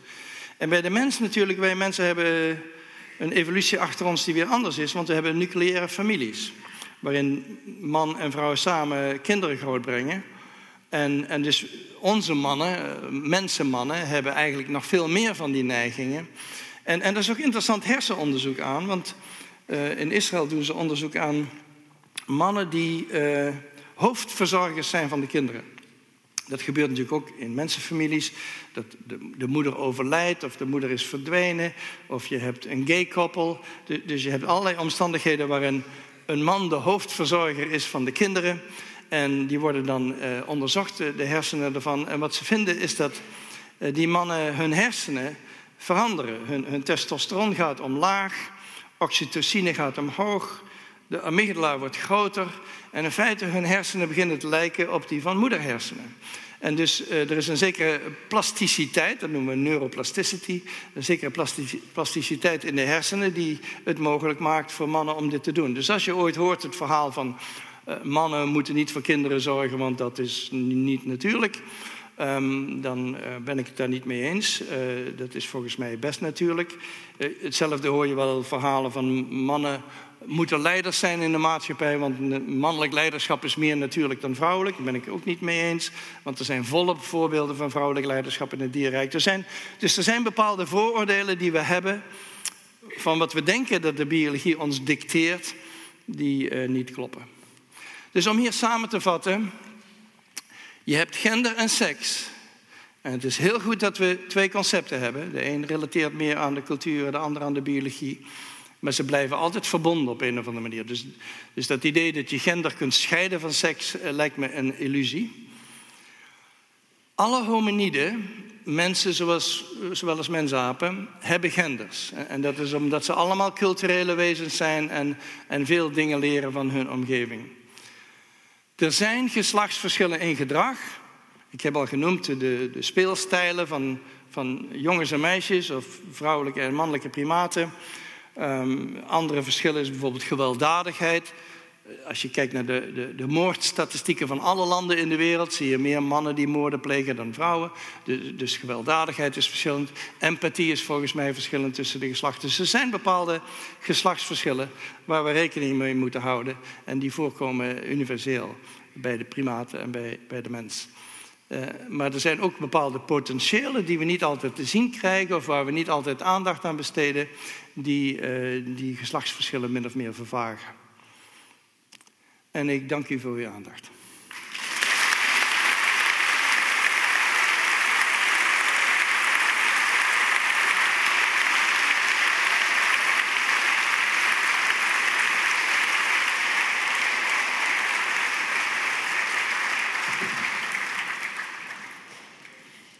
Nog even het eh, klokje erbij, dat geen klokje blijkt te zijn, maar een wekker.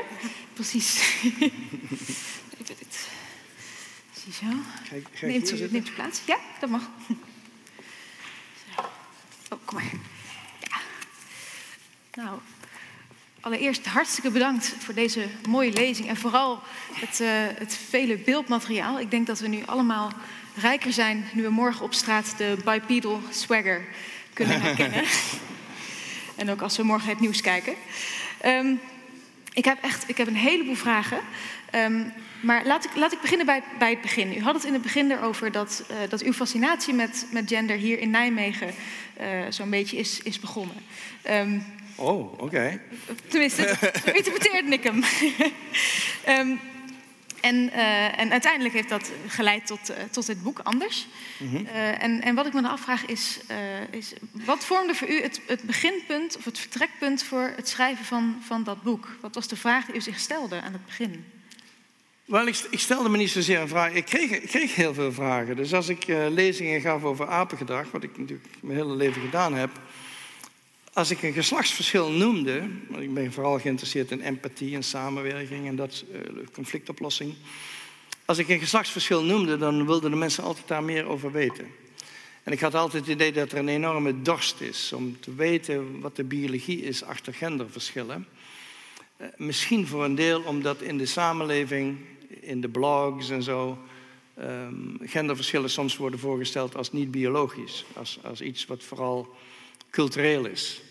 En, en, ik denk dat veel mensen daar sceptisch over zijn en dan willen ze van de primatoloog het antwoord hebben.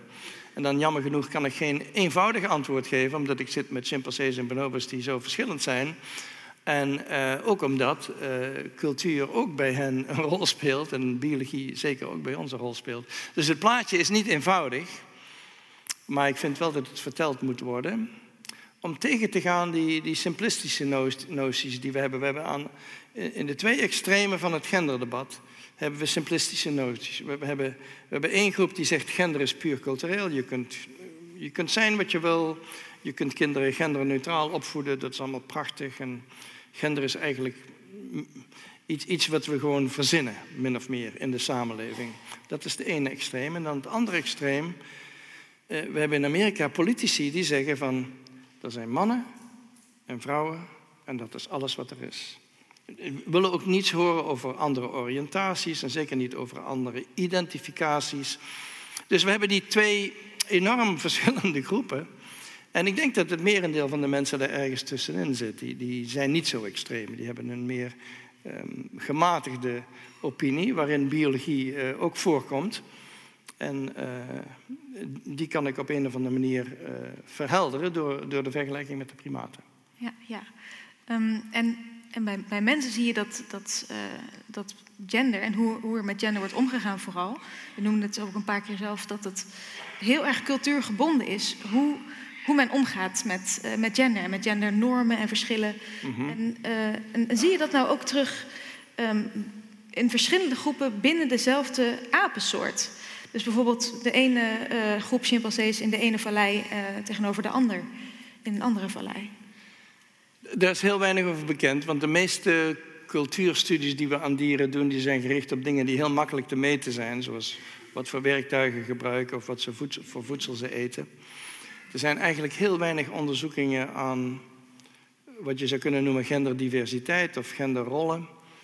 Um, het enige onderzoekje wat ik me kan herinneren is dat er, er was een groep bavianen in het wild waarvan uh, de mannelijke individuen vreedzamer werden, minder agressief werden uh, na een bepaald incident wat daar gebeurde. En waarvan het vermoeden is dat de, de vrouwtjes dat handhaafden, min of meer cultureel.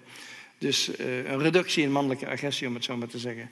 Maar er, er is heel weinig over bekend. Of er dit soort variatie is binnen primatengroepen. Ja. ja.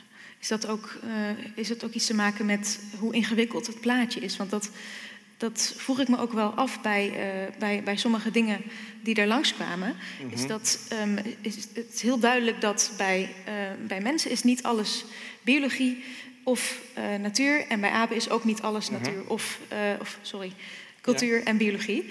Um, dat is bij, bij allebei is dat, is dat waar. Um, en wat moeten we dan, uh, welke, welke informatie geeft dan de vergelijking tussen de twee ons? Als we uh, vergelijkingen trekken tussen wat mensen doen en wat apen doen als het gaat om gender, wat kunnen we daaruit leren? Wel, allereerst kunnen we leren dat er bepaalde verschillen zijn, en die heb ik genoemd, die universeel zijn, die, die je bij alle primaten vindt, en, en voor zover ik weet in alle mensenmaatschappijen vindt. En ook dat er verschillen zijn die wij aannemen die er helemaal niet zijn. Zoals mannen zijn betere leiders dan vrouwen. Ik weet niet, zeker na de COVID-crisis, dat we dat nog kunnen zeggen. Um, dus, dus er zijn, het informeert over de verschillen en de overeenkomsten. Maar ik denk ook dat um, een interessante les is dat, uh, dat er dezelfde individuele variabiliteit is bij de primaten als we bij de mens zien. Is dat niet alle, alle individuen hetzelfde zijn en in hetzelfde hokje passen. Dus dat is denk ik ook een interessante les. Ja. Want, want, want natuurlijk wordt heel vaak gezegd hè, dat homoseksualiteit onnatuurlijk is. Of dat uh, trans mensen, die, die, die, zijn, dat is eigenlijk alleen maar een soort van een, een fashion. Dat is iets wat overgaat. Dat, is, uh, dat, dat wordt vaak gezegd, dat soort dingen. Ja. En, um, en zie je ook bij, bij apen, zoals bijvoorbeeld uh, Donna, dus ja. de, de, de, gender non-conforming chimpansee, laten, laten we zeggen. Um, is zij zelf ook, uh, is er bewijs dat zij zelf um, bezig is met hoe anderen haar gender waarnemen? Of is dat iets wat, wat je bij apen niet ziet? Want als, je, als ik naar mensen kijk, dan is dat, dat is dan enorm iets waar we mee bezig zijn. Met hoe de ander hoe, hoe ons gender gezien wordt door de anderen. Is dat iets wat je bij apen ziet? Ja, bij de mens is dat misschien voor een deel, omdat iedereen er inderdaad op let. Als, als je transgender bent in de huidige samenleving en, en, en, iedereen om je heen die heeft er opmerkingen over, of positief of negatief, of, uh, en iedereen heeft, daar een opinie over, ja, dan ga je natuurlijk ook heel zelfbewust zijn over dat soort dingen. En als je, zoals Donna, in een chimpansee samenleving leeft waar iedereen je gewoon neemt zoals je bent, hoef je er ook niet zo zorgen over te maken. Dus ik denk dat voor een deel is dat een reflectie van hoe wij mensen elkaar behandelen. En dus ik weet niet, er zijn samenlevingen, ik heb gehoord dat bijvoorbeeld in uh, Zuidoost-Azië, dus laten we zeggen Thailand, uh, Vietnam enzovoorts, um, daar helemaal geen punt over gemaakt wordt van wat je seksuele oriëntatie is of, of je seksuele identity is dan denk ik ook dat je er minder bewust van bent. Want dat is, dat is minder ter discussie. Ja. En, en hoe, hoe kan het dan dat dat bij mensen zo'n grote rol speelt, terwijl het bij, bij, bij apen eigenlijk afwezig is? Hoe, waar komt dat dan vandaan bij, bij mensen dat, dat, dat hokjesdenken, zeg maar? Ja, de mensen zijn enorm normatief. We hebben een opinie over iedereen. En dus um, mensen keuren gedrag af of keuren gedrag goed. We zijn uh, in dat, dat opzicht heel actief. Ja. En, en apen zijn, hebben, hebben geen normatief. Wel, ze, ze, ze, hebben bepaalde gedragsnormen, maar die zijn uh, niet, niet zo gericht op seksueel gedrag of seksuele oriëntatie. Er zijn bepaalde dingen die, die ze niet goedkeuren bij elkaar. Uh, dus bijvoorbeeld een, een, een volwassen man, chimpansee, die kan niet zijn hoektanden gebruiken op een, op een jong, jonge aap. Hij kan ze wel te- gebruiken tegen andere volwassen mannen, maar niet op jonge Dat wordt niet goedgekeurd en daar wordt tegenin gegaan. Eh, dus er zijn wel regels, sociale regels, maar eh, die hebben niet betrekking op seksueel gedrag. Dat, dat is wel interessant, want is dat, dan, is dat dan iets wat wij mensen. Is er iets aan mensen waardoor wij dat nodig hebben? Op het gebied van gender, om, om daar allerlei normen aan op te hangen? Of is er. Ik vraag me dan wel af waar dat dan vandaan komt. Of is dat Ja. dat een biologische. Ik weet dat er een algemene frustratie is bij sommige mensen over hoe we dat aanpakken, maar ik, ik weet niet waarom dat zo is. Ja. Nee. En, ehm, en als je kijkt naar, eh, naar bijvoorbeeld hoe, hoe dieren zich kunnen. Dat, dat is misschien een, een betere vraag om eerst even te stellen. Kunnen dieren zich tot hun eigen gender verhouden? Dus is het bijvoorbeeld zo dat. ehm, kijk, als je. eh, een mens die. die eh, identificeert zich als zijnde dit of dat. ehm, of, je- zie je dat bij dieren ook? Of is dat. Ehm, is het bij apen meer een kwestie van een, een kind dat de ene dag een rokje aandoet en de andere dag een, een broek zonder dat, dat het kind daar echt over nadenkt? Ehm, of, Wat bedoel je? Dat, dat, dat de apen zich zorgen maken over wat voor gender ze zijn? nou, of, of een aap bijvoorbeeld zelf eh, in, in een bepaalde mate zoals mensen dat doen. Ik, ik zie niet, ook niet voor me hoe een aap zich daar zorgen over maakt. Nee, maar eh, in, in de mate waarop mensen dat, eh, dat doen, hun eigen genderidentiteit vormgeven en daar ook mee kunnen spelen. Ja, nee, ze hebben geen kleding, dus dat, dat Nee, eh, niet, al op. dat, niet op dat gebied. Nee. Nee, ik, geloof niet. Ik geloof dat dat, dat zijn menselijke mm, problemen. En, en ik denk ook niet dat ze universeel menselijk zijn. Eh, In onze eh, grote samenlevingen wordt er heel veel op elkaar gelet. Ik weet niet of dat in alle samenlevingen zo is. Dat zou je een antropoloog moeten vragen. Eh, en, en ik denk dat die genderrollen bij ons wat, wat meer rigide zijn dan bij anderen. Ja. Ja, over, over rigide gesproken. Ik, ik kan me een heleboel ehm, eh, documentaires herinneren waarin zeg maar, de, de standaard BBC-documentaire, waarin het narratief is zeg maar, de dominante mannetjes en de onderdanige vrouwtjes. En zeg maar, dat, dat, dat verhaal dat is er denk ik heel erg eh, eh, veel, veel geweest op, op televisie en op, eh, in, boeken. Eh, maar er wordt al zo lang onderzoek gedaan naar gender en, en seksen bij, of misschien niet naar gender, maar naar seksen bij, bij dieren. Ehm, hoe, hoe kan het dan dat we zo lang dat spectrum dat er is, dat we dat zo lang niet hebben, niet hebben gezien? Wel, de BBC en de NHK, de NHK is de Japanse BBC, die twee die produceren de meeste natuurdocumentaires. Die zijn allebei zo preuts als de pest. Dus die, ehm, die praten graag over geweld. Die, die praten niet over seks. David Attenborough, heb je die ooit over seks gehoord? Behalve, behalve misschien, eh, hier zien we twee leeuwen copuleren of zo. Ehm, Lijkt u wel gefascineerd door. ja, ze zijn zeer gefascineerd door eh, agressie en ze, ze hebben altijd een, wat, wat wij biologen noemen, een functioneel narrative. Dus, dus ze praten altijd over de functie van gedrag. En dus ze zeggen van deze twee, ehm, laten we zeggen leeuwen weer, deze twee leeuwen vechten met elkaar eh, over wie eh, het vrouwtje mag bevruchten. Maar de leeuwen weten niets over bevruchting, hebben nog nooit gehoord van bevruchting. Ehm, het gaat helemaal niet over wie het vrouwtje mag bevruchten. Eh, en- wie, wie zijn zaad kan verspreiden. En wie nakomelingen zal hebben. Nakomelingen, dat is zes maanden verder. Daar weten ze helemaal niks van. Ehm, maar dat is eh, hoe, hoe de BBC over dieren praat. En de mensen hebben dat overgenomen. Mensen denken dat dieren bezig zijn met eh, hoe kan ik me voortplanten.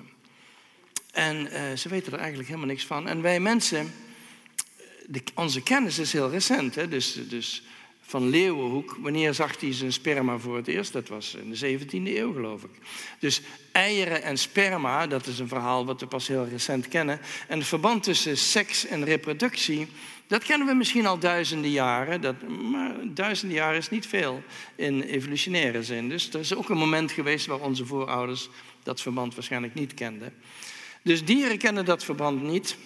Maar we hebben altijd dat soort verhaal over, dat- soort functioneel verhaal over diergedrag.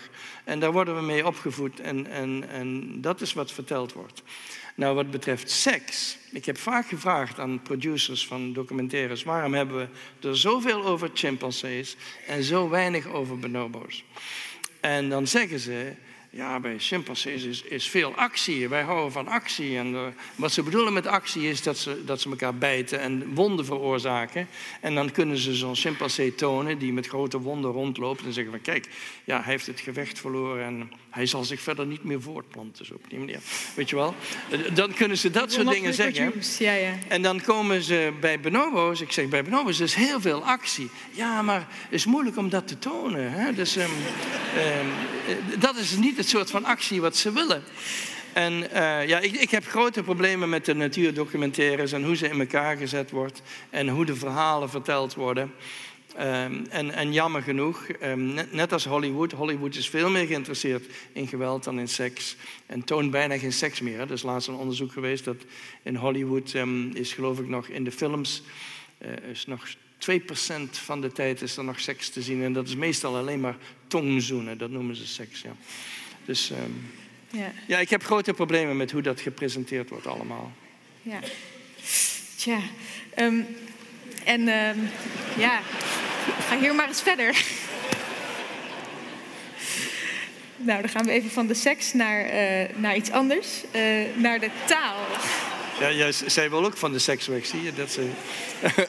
Ik, ehm, ik, eh, ik hou het hierbij. Nee, ehm, Ik kan een leuk verhaal vertellen over de clitoris bijvoorbeeld. Ik zou zeggen, ga je gang. De vrouwelijke seksualiteit is, is in de biologie en, en in de maatschappij is enorm verwaarloosd. Dus in de, in de biologie hadden we voor lange tijd dezelfde opinie als in een groot deel van de Victoriaanse maatschappij.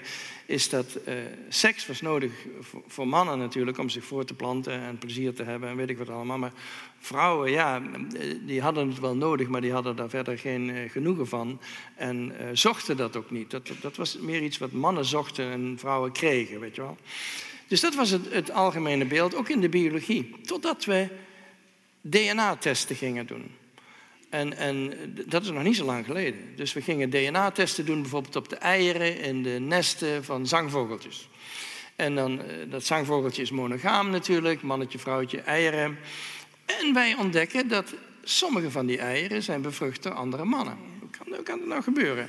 En dus de aanvankelijke verklaring van de biologen was dan... die vrouwtjes zijn mogelijk verkracht door iemand, weet je wel.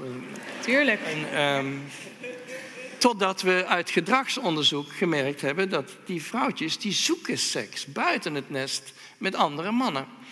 En nu weten we voor allerlei soorten, niet alleen de vogels, maar voor allerlei soorten, dat de vrouwen zeer entrepreneurial zijn in hun seksueel gedrag. En, eh, en dat alle zoogdieren hebben een clitoris. Van de muis tot de olifant hebben allemaal een clitoris. Aanvankelijk werd de clitoris door Freud bijvoorbeeld. Freud vond de clitoris maar niks. Die, die hadden we ook helemaal niet nodig. Vaginaal orgasme werd uitgevonden door Freud. Terwijl hij toch niet ervaren heeft waarschijnlijk. Maar, ehm, hij kwam met het vaginaal orgasme en de clitoris werd... eh, vrouwen die eh, clitorisplezier hadden, die waren infantiel. Die, die moesten behandeld worden. Daar moesten we iets aan doen. En ehm, nu weten we dat de clitoris net zoveel zenuwuiteinden heeft en gevoelige punten heeft, gevoelige cellen heeft als de penis. En eh, gevoed wordt door zenuwen die net zo groot en dik zijn als de zenuwen die naar de, de mannelijke penis leiden. Dus de, de, hersenen, de menselijke hersenen vinden de clitoris heel belangrijk. Eh, en we weten ook dat de clitoris het grootste is bij soorten, zoals de bonobo, eh, die heel veel extra seks hebben. Seks die niet nodig is voor reproductie. Dus bij bonobos denk ik driekwart van de seks heeft niks te maken met reproductie. Want het gebeurt tussen individuen die niet kunnen reproduceren. En eh, de grootste clitoris zit bij de dolfijn, die ook heel veel... De dolfijn is een soort van de, de bonobo van de zee. Eh, de, de, dolfijn heeft ook heel veel seks. Dus eh, ik vind dat clitorisverhaal heel interessant, persoonlijk. Hebben- we hebben dus heel veel daarin, daarin gemist, heel lang. Ja. En, en, en nu zien we eigenlijk dat, er, dat, er, eh, dat die genders niet rigide zijn, dat er heel veel ook tolerantie is eh, eh, voor, voor individuen die, eh, die ergens tussenin zitten. Ehm, maar Is, wat- is er veel tolerantie? Want, eh, die nou, niet, niet bij mensen, maar ja, bij dieren. bij dieren. Oké, Ja. want bij de mensen... ehm, Nee, maar, maar dat, dat, vraag ik me dan, dat vraag ik me dan juist af. Want wat, ik, wat ik interessant vind is, denk ik, eh, stel, stel je voor, ehm, stel je voor, er, er was nu heel veel onderzoek gedaan naar, die, eh, naar gender bij, eh, bij dieren. En, en we hadden niet die tolerantie gevonden. Dus we hadden bijvoorbeeld juist gevonden, of ik zeg we, u, uw collega's. Gevonden, gevonden bijvoorbeeld dat, dat, dat, als je homoseksueel gedrag eh, Ja. vertoont, dat, dat, dat, dan, eh, dat je dan de groep uitge, uitgegooid Ja. wordt. Was, was dit boek er dan op dezelfde manier gekomen? Of was dat op een andere manier gebeurd? Nee, dat zou natuurlijk, ehm, als dat zo was, zou ik dat verteld hebben. En, en dat is natuurlijk problematisch als, als de dieren zeer intolerant waren tegenover, laten we zeggen, individuen die meer homoseksueel dan, dan heteroseksueel gedrag vertonen. Maar dat is niet het geval. Dus dat is een eh, hypothetisch geval. Ja, een hypothetisch geval, ja. Ik, ik hou me zelden bezig met hypothetische gevallen, maar, Maar je bent filosoof. Dus, Daar ben ik dan weer te Ja. filosoof voor. Dat, ja. ik moet wel mijn... eh, nee. Ehm, nee, want... eh, dus in hoeverre kunnen we door te kijken naar, naar mensapen... en naar überhaupt hoe het is bij, bij mensapen... ehm, conclusies trekken over hoe het zou moeten zijn bij mensen... als het gaat over gender. Ja, de- ik zou dat niet doen. Ik zou niet die apen nemen als voorbeeld van eh, hoe het zou moeten zijn. Als we onze maatschappij naar bonobo-maatstaven zouden inrichten. Ehm, Super gezellig wel. dus dus dat, dat vind, dat- zo zou ik ze niet gebruiken. Dat, dat is altijd gevaarlijk. Eh, Dat is, kan ook gevaarlijk zijn in een hele negatieve zin. Van dat je bijvoorbeeld zegt gewelddadigheid is oké, verkrachting is oké, eh, omdat we dat in de natuur zien. Ehm, dat is altijd een moeilijke positie. We, we, we kunnen de natuur gebruiken en ook de menselijke biologie gebruiken om inzichten te krijgen in ons gedrag. En als je de maatschappij wilt veranderen, zoals sommige mensen willen, dan, ehm, dan levert dat de, de juiste informatie op om aan, aan de slag te slaan. Eh, wat, ik, wat ik wil zeggen over gender en genderongelijkheid, is, is dat ik denk dat de mensenmaatschappij eh, de laatste 10, 15 jaar heeft gefocust op de, de verkeerde kant van het probleem. Dus genderongelijkheid hebben we, hebben we gedaan alsof gender het probleem is. Gender moeten we verminderen of ontkennen of ehm, bagatelliseren of genderneutraal maken. Gender is het probleem. Maar eigenlijk is het probleem de ongelijkheid. De, de onrechtvaardigheid van, van de ongelijkheid tussen de geslachten, die heel groot is, die is nog steeds aanwezig eh, in onze maatschappij. En als je over de hele wereld neemt, is die gigantisch, de genderongelijkheid. En het is aan de ongelijkheid dat we moeten werken, zonder dat we noodzakelijk eh, genders ontkennen of bagatelliseren. Ik denk dat, ehm, dat het verschil tussen de genders er altijd zal blijven. Dus we kunnen dat wel proberen. Het hoeft niet hetzelfde te blijven als het nu is, maar er zal altijd een verschil blijven. Want gender is volgens mij altijd verbonden met het feit dat we twee seksen hebben. Dus als je nou denkt aan de menselijke soort. En bedenk eens dat wij ons voortplanten door kloning. Dus kopieën maken van, van onszelf. Als, als wij kloning zouden doen, dan zouden we allemaal precies identiek zijn. We zijn allemaal hetzelfde. We komen van hetzelfde plantje. Eh, dan hebben we ook geen genitaliën, we hebben geen geslachtsverschillen, enzovoorts, enzovoorts.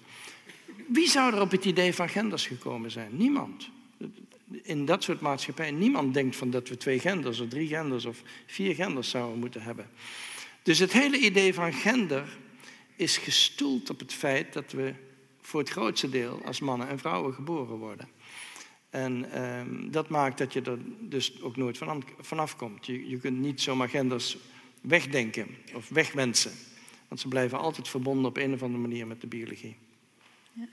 En voordat ik naar de zaal ga, voor, eh, ik kan me voorstellen dat er heel veel vragen zijn, ehm, ben ik toch nog even nieuwsgierig of al die uren van het observeren van, eh, van apen, heeft dat, eh, en, en het schrijven van dit boek en al het onderzoek naar gender, eh, heeft dat ook nog iets gedaan met de manier waarop u uw eigen genderidentiteit begrijpt? Of ik meer, de- meer afwas doe of zo? Uw woorden. Ik zeg, ik zeg mevrouw altijd dat ik niet tegen afwassen ben. Wa- Want aangezien ik opgegroeid ben met zes jongens. Eh, wij- eh, mijn moeder was, wij noemden, mijn mijn moeder, we noemden haar de generaal. Want ehm, zij regelde alles onder ons. En, en, jij doet de afwas vandaag en jij doet de aardappels. En, uh, dus, dus ik ben heel gewend aan huishoudelijke taken. Maar ik krijg niet altijd de kans om mijn talenten tentoon te spreiden. maar dat is niet wat je precies bedoelt. Je bedoelt of mijn, mijn visie veranderd is op de genders. Wel, ik, ik, omdat ik me nu in dit onderwerp meer verdiept heb, natuurlijk verschillen mannen en vrouwen, dat is, dat is vrij standaard als een discussiepunt in de samenleving en eh, ook voor mij. Maar eh, het hele onderwerp van gender is zo in flux en de terminologie is zo in flux ook. Dat je, de termen die we, die we tien jaar geleden gebruiken, gebruiken we nou niet meer. En over tien jaar eh, kijkt men misschien tegen dit soort discussie aan als voorkomen ouderwets.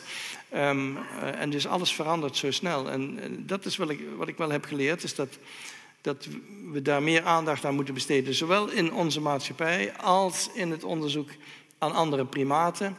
Is dat we eigenlijk veel te weinig aandacht besteden aan atypisch gedrag. Dus we, wij primatologen, we, we praten altijd over het typisch mannelijk gedrag en typisch vrouwelijk gedrag. En dat we eigenlijk veel meer aandacht moeten besteden aan uh, de dingen die daartussenin zitten en de, de, variabiliteit. En natuurlijk voor de bioloog is vari variabiliteit is overal te zien. Dat, dat, dat zien de mensen niet altijd. Mensen hebben een soort van visie van de biologie alsof alles rigide is. Van, van, uh, alles, uh, in de biologie is alles streng gereguleerd. Dat is helemaal niet zo. je gaat in een bos en je ziet niet twee bomen van dezelfde soort die er hetzelfde uitzien. we, we zijn heel gewend aan individuele variabiliteit en flexibiliteit in de systemen. En dat wordt um, in de mensenmaatschappij wel eens onderschat. Als je het hebt over de biologie van de mens en de biologie van genders, bedoel ik niet dat het rigide is. En en ik denk dat wij in de primatologie meer aandacht moeten besteden en ook, ook meer praten over uh, de flexibiliteit die er is en de variabiliteit die er is. Ja. We moeten het hier al, uh, al bijna bij gaan laten. Mm als we één, dan toch even om, om af te ronden, als we, als we één gedachte mee moeten nemen naar, uh, naar huis, als het gaat over gender, wat zou dat dan zijn? Dat we er meer biologie in de discussie moeten brengen. Dat we niet net moeten doen alsof dit een discussie die we kunnen voeren zonder aan lichamen te denken, aan hormonen te denken, aan uh, onze evolutionaire achtergrond te denken. We proberen soms om een genderdiscussie te hebben die daar los van staat, maar dat is niet mogelijk. Oké.